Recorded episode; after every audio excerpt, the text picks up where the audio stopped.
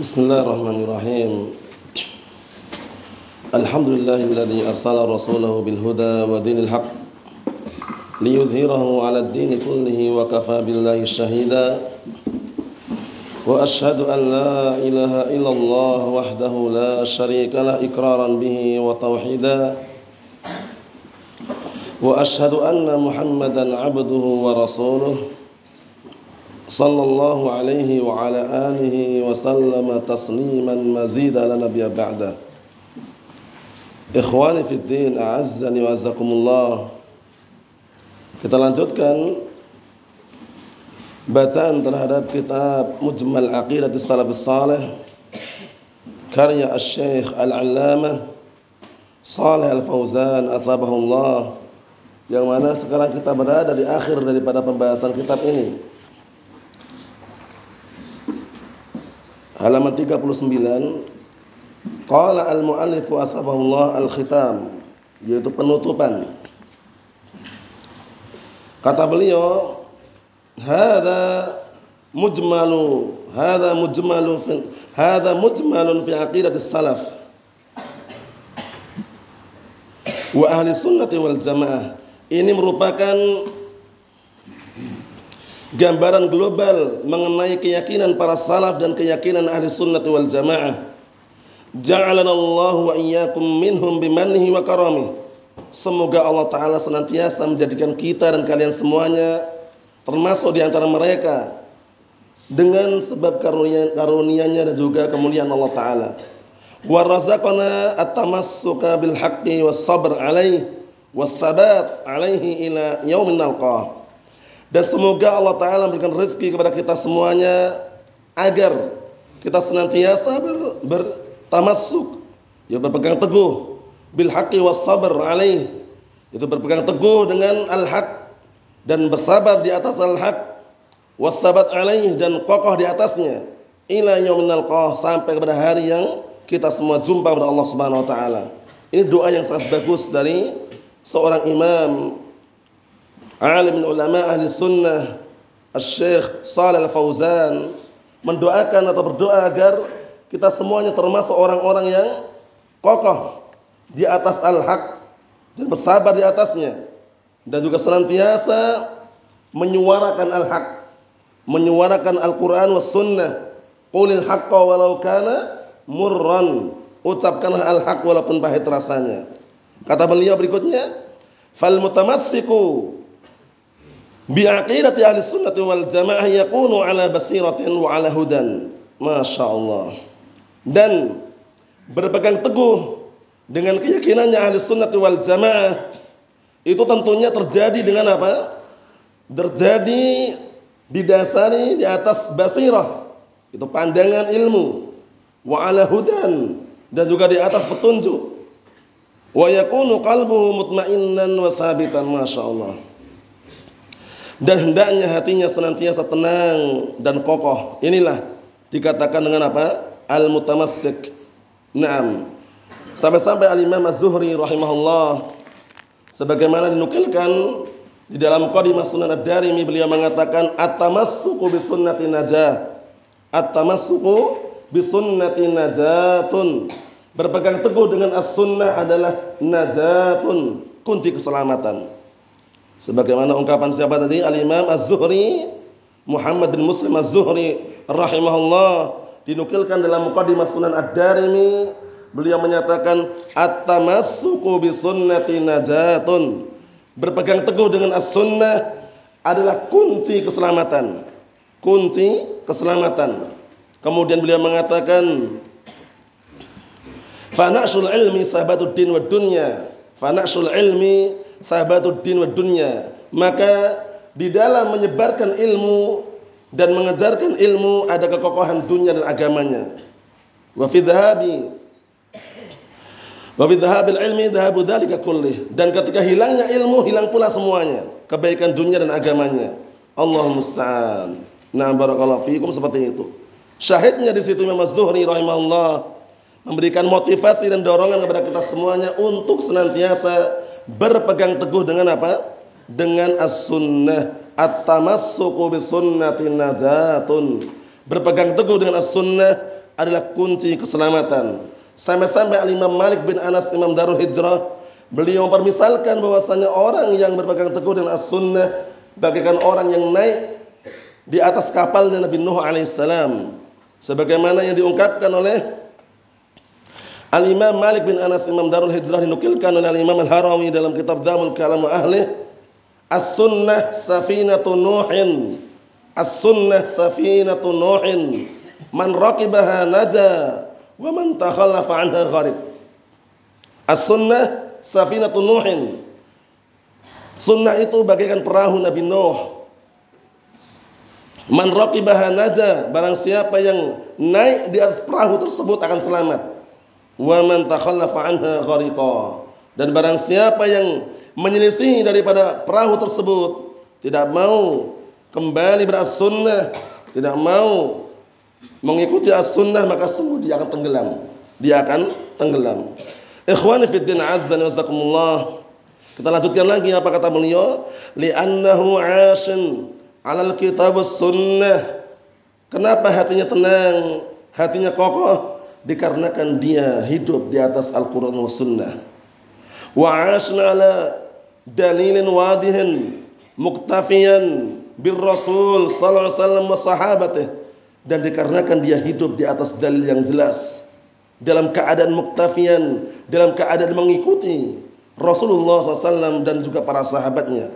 Fahuwa ala tuma'ninah. Maka orang yang seperti ini ketika berjalan mengikuti Al-Quran dan As-Sunnah maka orang tersebut tuma'ninah, tenang. Tenang hatinya. Wa ala sabatin fi amri dini. Dan orang tersebut juga di atas kekokohan dalam perkara agamanya.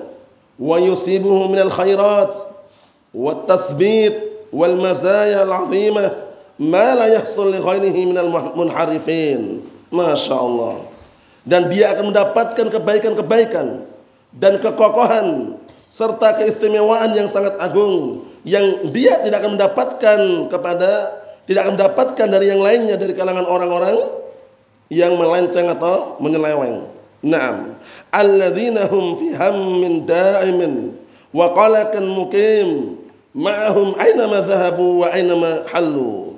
Yang mana orang-orang yang menyeleweng melenceng dari jalan yang benar, melenceng dari Al-Qur'an Sunnah, maka mereka berada di dalam hammin daimin yaitu dalam keadaan sempit, eh, dalam keadaan susah, dalam keadaan gelisah. Naam, wa qalakan mukim dan juga dalam keadaan gelisah yang terus menerus, dalam keadaan tidak tenang hatinya ma'hum bersama mereka. Aina madhabu wa aina mahallu. Di mana pun mereka pergi dan di mana pun mereka tinggal, nggak tenang hatinya. Kalau menyelisih Al-Quran dan As-Sunnah. Allah musta'an. Biar tenang hatinya, maka kita mengikuti Al-Quran dan Sunnah. Di mana pun kita singgah, di mana pun kita pergi, di mana pun kita berada. Amma ahlu sunnati wal jamaah fahum. Fahum sabitun alal haq. Adapun ahlu sunnati wal jamaah, maka mereka adalah orang-orang yang kokoh di atas al-haq la yataza'za'un. Mereka tidak goyah. tidak goyah, tidak pelin-pelan, tidak bimbang, tidak ragu. Wala. Dan juga mereka tidak apa? Tidak mudah untuk pudar, tidak mudah untuk goyah. Artinya mirip ya. Wala yahdus anhum ahwa wa wa ikhtilafat. Dan tidak muncul dari mereka di sisi mereka hawa nafsu, pemikiran-pemikiran belaka, dan perselisihan-perselisihan. Karena ahlu sunnah kokoh di atas ucapannya, kokoh di atas perbuatannya, keyakinannya. Lianna manhajahum wahidun wa tariqatahum wahidah wa daliluhum wahid. Masya Allah. Dikarenakan prinsip mereka satu, jalan mereka juga satu, dan dalil mereka satu yaitu Al-Quran wa Sunnah. Ikhwan fiddin azza wa Tentunya kita semuanya harus semangat di dalam menimba ilmu syar'i, terutama di kampung atau di daerah yang ada markis seperti ini ya, markis ahli sunnati wal jamaah disyukuri yang jauh menempuh, yang dekat merapat, semangat di dalam mempelajari ilmu Al-Quran dan Sunnah jangan pernah malas-malasan karena di luar sana banyak kelompok-kelompok sesat yang mereka menyebarkan ideologi-ideologi mereka, pemikiran-pemikiran mereka. Mereka gencar, semangat, hatta walaupun dengan uang mereka sebarkan. Kita sebagai ahlu sunnah wal jamaah tidak boleh kalah, tidak boleh menyerah, harus semangat, terus hadiri majelis ilmu selama masih ada yang mengajarkan di situ. Walhamdulillah eh, di Masjid Al Amin harasahullah ini, alhamdulillah ada para asatidah mengajarkan Al-Quran, mengajarkan As-Sunnah, ajak saudara-saudara kita, ajak teman-teman kita, ajak kawan-kawan kita untuk menghadiri majelis tersebut agar mereka semakin mengenal agama yang benar, mengenal Al-Quran was Sunnah. Naam, karena antum atau kita semuanya manakala ketika masih hidup suka mengajak kepada kebenaran, insya Allah biidnillah manakala orang tersebut nanti terus mengamalkan kebenaran dan kita meninggal dunia kita masih mendapatkan aliran pahala yang dilakukan oleh orang tersebut. Karena kita dahulunya ketika di dunia mengajarkan Al-Qur'an was sunnah. Na'am.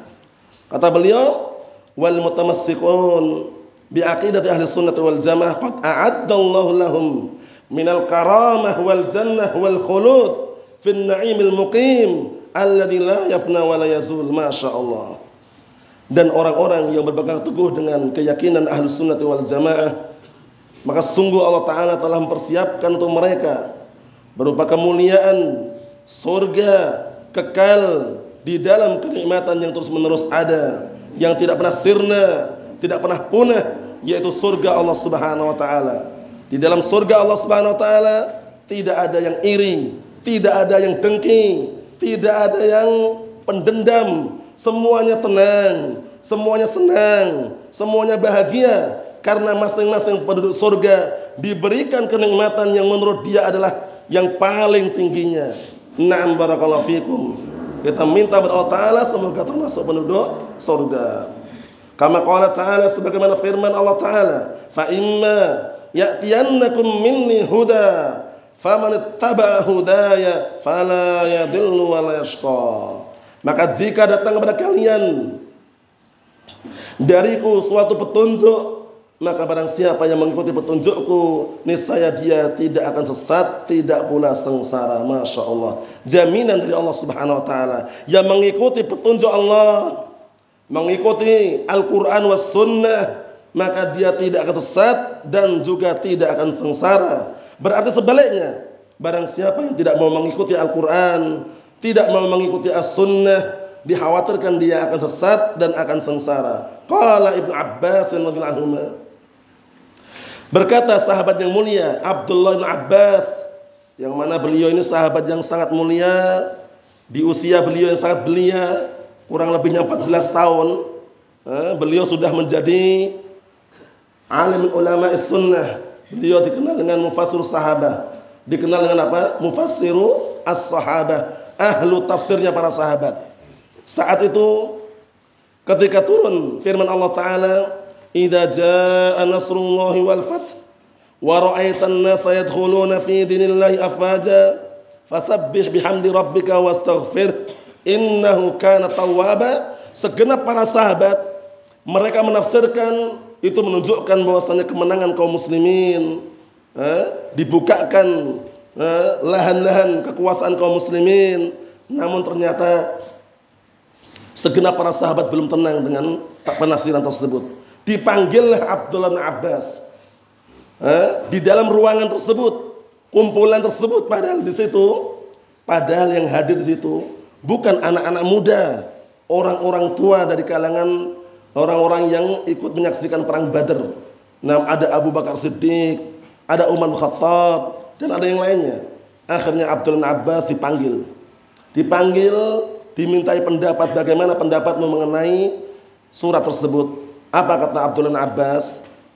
Ayat atau surat tersebut berkaitan mengenai ajalnya Rasulullah SAW, yaitu tentang eh, akan meninggalnya Rasulullah Wasallam. Akhirnya semuanya sepakat dan tenang dengan penafsiran tersebut bahwasanya Abdullah Abbas memang digelari dengan apa? Mufassirus sahabah.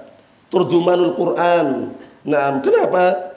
Dikarenakan suatu ketika Rasulullah SAW mendoakan dengan doa yang sangat bagus. Allahumma faqihu fid din wa 'allimhu ta'wil. Itu doanya yang pernah Rasulullah doakan untuk Abdullah bin Abbas.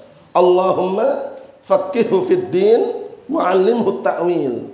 Ya Allah, pahamkanlah Abdullah bin Abbas dalam masalah agama dan ajarilah ilmu ta'wil. Ta'wil di situ maknanya adalah tafsir. Maknanya apa? Tafsir. Sehingga lafaz ta'wil kadangkala digunakan untuk apa? Untuk makna tafsir seperti Ibnu Jarir atau Bari Ibnu Jarir atau Bari rahimahullah kalau beliau menyebutkan dalam kitab tafsir beliau biasanya beliau menggunakan lafaz wa ta'wilu qoulihi ta'ala. Wa ta'wilu qoulihi ta'ala. Dan tafsiran firman Allah taala. Jadi ta'wil kadangkala maknanya tafsir. Naam. Kita lanjutkan Qala Ibnu Abbas radhiyallahu anhu takaffalallah liman qara al-Qur'an wa 'amila bima fi ala yadhil fid dunya wa la yashqa fil akhirah. Artinya Allah Subhanahu wa taala memberikan jaminan bagi orang yang baca Al-Qur'an dan mengamalkan Al-Qur'an. Apa jaminannya? Bahwasanya orang tersebut tidak akan sesat di dunia dan tidak akan sengsara di akhirat. Masya Allah. Mempelajari ilmu Al-Quran penting mengamalkannya keharusan. Oleh karena itu datang dalam hadis yang sahih Rawal Bukhari dari hadisnya Utsman bin Affan radhiyallahu anhu khairukum man ta'allama al-Qur'an wa 'allamah. Sebaik-baik kalian adalah orang yang mempelajari Al-Qur'an dan mengajarkannya. Naam. Mempelajari ilmu Al-Qur'an nomor satu. Jangan sampai kita semuanya meremehkan eh, apalagi usia masih muda masih belia kesempatan untuk menghafal Al-Quran. Hafalkan Al-Quran, kuatkan hafalannya, pahami maknanya, kemudian nanti diamalkan barakallahu fikum. Karena Al-Quran nomor satu. Setelah Al-Quran, setelah menghafal Al-Quran, menghafal As-Sunnah. Menghafal As-Sunnah bisa diawali dengan hadis Al-Arba'in Anawiyah. Berikutnya lagi kalau mau menambah bisa Umdatul Ahkam atau Riyadus Salihin. Intinya secara bertahap sedikit demi sedikit barakallahu fikum. Nah, tapi Al-Qur'an nomor satu. Al-Qur'an nomor satu. Ketika usia-usia masih belia, belasan tahun itu mudah sekali menghafal Al-Qur'an. Jangan sampai hilang kesempatan tersebut. Eh? Jangan sampai hilang kesempatan untuk menghafal Al-Qur'an ketika di usia masih muda. Karena nanti kalau usia tua itu biasanya sulit menghafal Al-Qur'an. Tapi mudah untuk memahami isi kandungan itu sudah perkara yang ma'ruf. Namun Walaupun demikian tidak masalah. Ketika di usia tua dia menghafal Al-Quran tidak ada larangan dan juga tidak ada celaan. Rasulullah SAW belajar membaca dengan Jibril alaihissalam ketika usia berapa? 40 tahun. Iqra ma ana biqari. Iqra ma ana biqari. Iqra ma ana. Disuruh membaca, Rasulullah mengatakan, "Aku tidak bisa membaca." Bacalah, aku tidak bisa membaca. Bacalah, aku tidak bisa membaca. Eh? Nah, barakallahu fikum. Iqra bismi rabbikal ladzi khalaq. Syahidnya di sini barakallahu fikum. Rasulullah SAW belajar membaca dan Jibril alaihissalam usianya bukan usia yang muda lagi. Dalam artian 40 tahun. Sehingga kita yang masih memiliki usia muda ataupun yang sudah berusia tua jangan pernah menjadikan patokan dalam hal ini. Jadi semangat terus pelajari ilmu Al-Quran, pelajari ilmu As-Sunnah, ingat-ingat yang jauh menempuh, yang dekat merapat. Naam. Wa qala ta'ala dan Allah Ta'ala berfirman, "Alladzina amanu wa lam yalbisu imanahum bidzulmin ulaika lahumul amnu wa hum muhtadun." Orang-orang yang beriman yang mereka tidak mencampur adukkan keimanan mereka dengan kezaliman. Kezaliman di sini adalah apa maknanya? Kesyirikan. Karena yang namanya kedoliman terbagi menjadi tiga. Kedoliman terbagi menjadi tiga. Dulmul abdi li nafsihi, dulmul abdi li ghairihi, dulmul abdi li rabbihi azza wa jal. Paham ya? Kedoliman terbagi menjadi tiga. Pertama, dulmul abdi li nafsihi. Dolimnya seorang hamba terhadap dirinya. Nggak boleh dolim dengan diri kita nggak boleh. Kita bunuh diri kita, kita racun diri kita nggak boleh. Haram. Yang kedua, zulmul abdi li khairih. Seorang hamba mendolimi orang lain nggak boleh. Kita nyakiti orang lain nggak boleh. Kita mukul orang lain nggak boleh. Paham ya?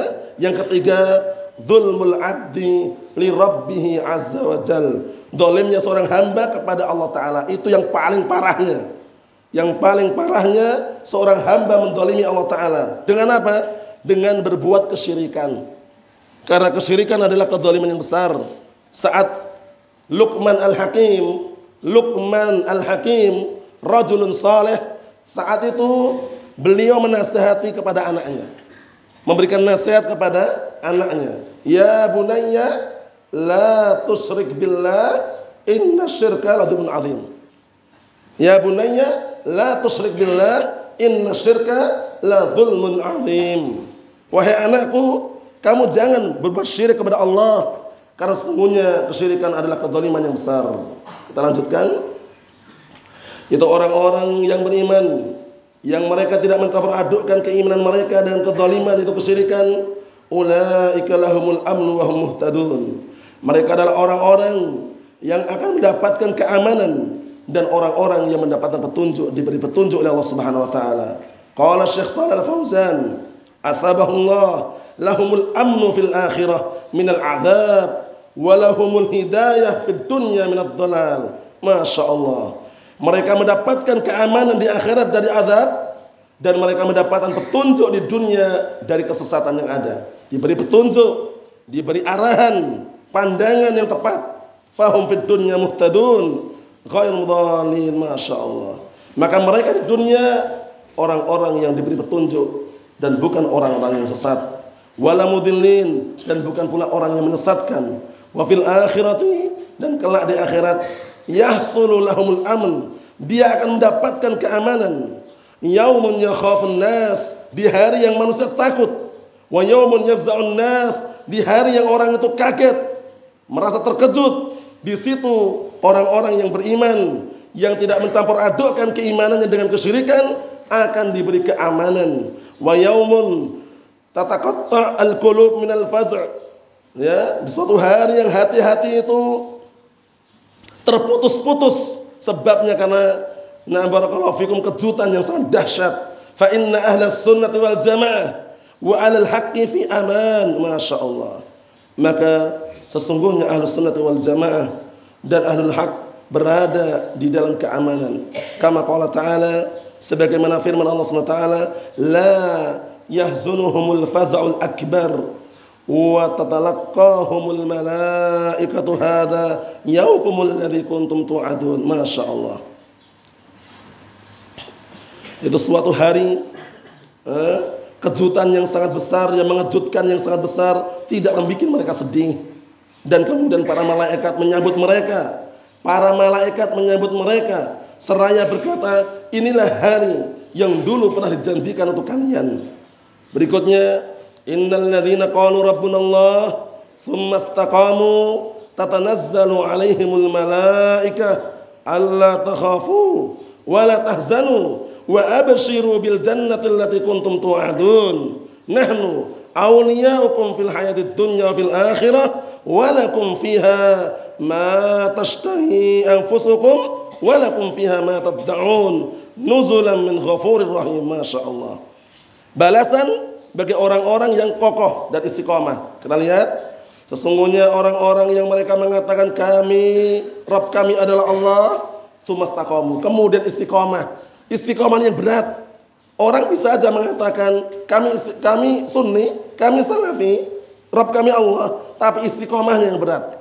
Istiqomah mempertahankan itu yang berat. Butuh perjuangan, butuh pengorbanan, butuh upaya. Oleh karena itu jangan pernah lupa doa yang Rasulullah ajarkan kepada kita semuanya dan antum sudah menghafalnya ya muqallibal qulub sabbit qalbi ala dinik. Itu sering Rasulullah ulang-ulang agar hati kita itu kokoh. Karena siapa yang bisa membolak-balikkan hati siapa? Allah Subhanahu wa taala. Yang bisa mengokohkan juga Allah Subhanahu wa taala. Ya muqallibal qulub sabbit qalbi ala dinik wahai Zat yang membolak-balikkan hati, kokohkanlah hatiku di atas agamamu. Terus kita ulang-ulang. Ketika sholat malam, ketika sholat sunnah, doa-doa itu kita baca terus. Atau ketika sujud kita ulang-ulang terus. Ya muqallibal qulub, tsabbit qalbi ala dinik. Wahai zat yang membolak-balikkan hati, kokohkanlah hatiku di atas agamamu. Masya Allah. Kita lihat balasannya apa? Balasan bagi orang-orang yang beriman kepada Allah dan istiqamah. Tatanazzalu alaihimul malaikah. Masya Allah. Malaikat akan turun. Eh? dan menjumpai mereka, menyambut mereka seraya mengatakan Allah takhafu wa la tahzanu. Jangan pernah kalian takut, jangan pernah kalian sedih. Wa abshiru dan berbahagialah bil jannah allati kuntum tu'adun dengan surga yang dulu pernah dijanjikan untuk kalian. Surga balasannya, Masya Allah. Nahnu awliya'akum fil hayatid dunya fil akhirah. Kami adalah pelindung-pelindung kalian. Kami adalah Hamba-hamba Allah Subhanahu wa taala senantiasa menyertai pada kalian di dunia dan juga di akhirat. Walakum fiha dan untuk kalian semuanya di surga ma tashtahi anfusukum apa yang kalian inginkan ada di surga. Walakum fiha ma dan apa yang kalian mau tinggalkan. Yang kalian enggak mau, yang kalian sukai ada semua di surga. Paham ya? Nah, terserah mau makan apa, minum apa silakan. Nuzulan min ghafur rahim. Semuanya turun dari Allah Subhanahu wa taala, zat yang Maha Pengampun dan Maha Penyayang. Kenikmatan surga barakallahu fikum sangat banyak sekali. Namun anak kasih rujukan kitabnya biar antum tambah semangat membacanya. Kitab yang paling bagus adalah kitab Hadil Arwah. Kitab apa? Hadil Arwah ila biladil afrah. Hadil Arwah ila biladil afrah karya Syekhul Islam Ibnu Qayyim Al-Jauziyah. Ibnu Qayyim Al-Jauziyah punya kitab namanya Hadil Arwah ila biladil afrah. Itu bagus sekali pembahasan seputar kenikmatan surga, penduduk surga. Kemudian di sana nanti bagaimana eh, para perempuan penduduk surga, anak-anak kecil bagaimana, kemudian makannya bagaimana. Di surga itu kutufuha daniyah. Kutufuha daniyah. Antum mau metek apa saja dekat sendiri. Paham ya? Kalau zaman sekarang di dunia bagaimana? Antum mau makan buah-buahan, datang metik dulu. Paham ya? Kalau di surga antum tinggal duduk ini mau metik, dekat sendiri. Masya Allah. Mau buah anggur juga ada, buah apel juga ada, daging burung juga ada, ya enggak? Walah mitoirin mimma yashtahun. Semuanya ada. Paham ya? Lahum ma yasha'una fiha waladaina mazid. Bagi mereka penduduk surga yang mereka inginkan semuanya ada. Dan masih ada tambahan. Apa tambahannya? Melihat wajah Allah Subhanahu wa taala. Setiap hari Jumatnya mereka berkunjung ke pasar-pasar surga. Di situ nanti yang laki-laki setiap kali melihat wajah Allah tambah ganteng. Masya Allah. Yang perempuan setiap kali melihat wajah Allah tambah cantik. Padahal semua penduduk surga. Tidak ada rasa apa tadi? Iri. Tidak ada rasa dengki. Yang kalian makan, yang kita minum. Walaupun kenyang apa pun tidak menjadi kotoran. Kalau di dunia menjadi kotoran kan? menjadi kotoran, menjadi air kencing. Intinya serba kotor. Hasil daripada makanan yang kita makan di dunia. Tapi kalau di surga, masya Allah. Di surga semua makanan-makanan yang antum konsumsi, yang kita makan, yang kita minum, itu nanti menjadi keringat yang keringatnya baunya bau misik. Masya Allah wanginya luar biasa. Kalau di dunia jadi keringat baunya ya bau kayak gini. Allah Ustaz, baunya ya kayak gini. Eh, makanan-makanan penduduk dunia ya kalau sudah saatnya makan minum kemudian nggak cocok ya serak-serak kayak gini ya maksudnya nah barakallahu fikum kadang-kala seperti itu tapi kalau di akhirat senang semua intinya senang makanannya enak masya Allah insya Allah semoga kita termasuk mereka ya nah barakallahu fikum berdoa terus karena yang namanya surga harus cari dan juga ditempuh namun ingat kunci untuk mendapatkan surga adalah berpegang teguh dengan Al-Quran Sunnah, qawlan wa amalan wa i'tiqadan, ucapan, amalan, keyakinan. Apa kata Imam Ibnu Qayyim Al-Jauziyah? Wala dalila ilallahi wal jannah siwal Quran was sunnah. Tidak ada dalil, tidak ada jalan yang menghantarkan kepada Allah dan surganya kecuali Al-Quran was sunnah. Masya Allah. Kita lihat lagi. Kata beliau, Wahadi ma'asirul aqidat saliyah fit dunya akhirah. Dan inilah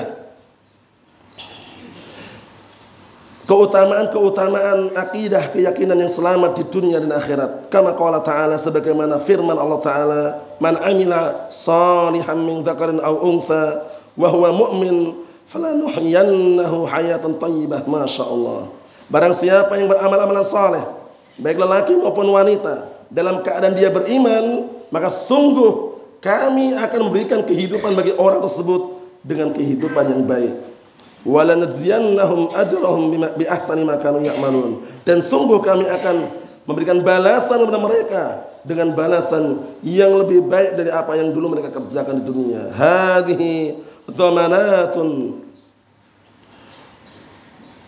min Allah azza wa jalla ahli sunnah wal jamaah wal haq. Inilah jaminan-jaminan dari Allah Subhanahu wa taala untuk ahli sunnah wal jamaah dan ahlul haq. Jadi pemegang kebenaran walaupun banyak ujian tapi pertolongan akan datang. Nah, yakin pemegang al-haq pasti akan Allah Taala berikan apa? Pertolongan, diberikan ganjaran yang besar. Li'annahum ala khairin fil ajil wal ajil, masya Allah. Dikarenakan ahlu sunnati wal jamaah berada di atas kebaikan, baik dalam waktu yang segera maupun yang akan datang. Kebaikan terus, jangan pernah menyesal. Antum menjadi ahlu sunnah, jangan pernah menyesal. Seberat apa pun yang antum tempuh, selama yang antum, antum tempuh adalah al-haq nggak usah menyesal. Nah, barakallahu fikum ana menyesal ana. Dulu ketika masih awam bebas. Tapi sekarang setelah ngaji ini nggak boleh, ini nggak boleh, ini nggak boleh. Sabar. Surga itu diliputi dengan perkara-perkara yang orang nggak suka. Hujibatil jannah bil makari. Surga itu diliputi dengan perkara-perkara orang yang nggak suka. Ya enggak? Pagi-pagi subuh harus bangun berat, dingin. Orang nggak suka. Itulah kunci surga. Eh? Mencari ilmu harus menempuh jalan kaki, naik motor, berat. Itulah kunci surga. Faham ya? Enggak ada orang masuk surga pengennya mau nyari jalan pintas seperti kelompok sesat yang ada ya. Mau masuk surga langsung membunuh diri. Allah musta'an. Jalan, jalan pintas ke mana itu? Dikhawatirkan malah ke neraka. Allah musta'an. Orang mau menempuh atau orang ingin masuk surga ya harus ada perkara-perkara dia perjuangkan. Kata beliau, Ja'alana Allah wa iyyakum minhum bimanihi wa karamih. Semoga Allah Ta'ala menjadikan kita semua dan kalian semuanya termasuk di antara mereka. Itu orang-orang yang mendapatkan kebaikan dunia dan akhirat. Dengan karunia-Nya dan juga kemuliaannya. Wa nasallahu wa nas'aluhu subhanahu an yurina an yuri an yurina al-haqqa haqqa wa yarzuqna wa yarzuqana tiba'ah dan kita minta kepada Allah Ta'ala agar Allah Ta'ala memperlihatkan, menampakkan di depan kita yang hak itu hak dan memberikan rezeki kepada kita agar untuk senantiasa mengikutinya. Wa yuriana wa yuriana al-batil al-batila wa yarzuqana istinabah dan kita minta kepada Taala agar Allah Taala menampakkan di hadapan kita yang batil itu batil, yang batil itu batil dan semoga Allah Taala memberikan rezeki kepada kita semuanya untuk menjauhi kebatilan tersebut. Jadi kesimpulannya doa ini juga bagus. Yang sering antum baca ya Allahumma arinal haqqa haqqa warzuqna tiba'ah wa arinal batila batila warzuqna istinabah doa yang bagus jangan pernah terlupakan itu ya. Naam. Kata beliau aqulu qawli hadza wa astaghfirullah li wa lakum wa li jamil muslimin. Aku ucapkan ucapanku ini dan aku meminta ampunan kepada Allah SWT untuk untuk kalian semuanya dan untuk segenap kaum muslimin. Wa sallallahu wasallam ala nabiyyina Muhammad wa ala alihi wa sahbihi ajma'in. Alhamdulillah kitab ini sudah kita selesaikan dalam keadaan nah barakallahu fikum seadanya dan juga kami ucapkan kepada segenap ikhwah seluruhnya eh, terutama para asadidah kami ucapkan jazahumullah khairah atas waktu dan kesempatannya yang diberikan kepada kami untuk bisa mengisi dalam waktu yang sangat singkat.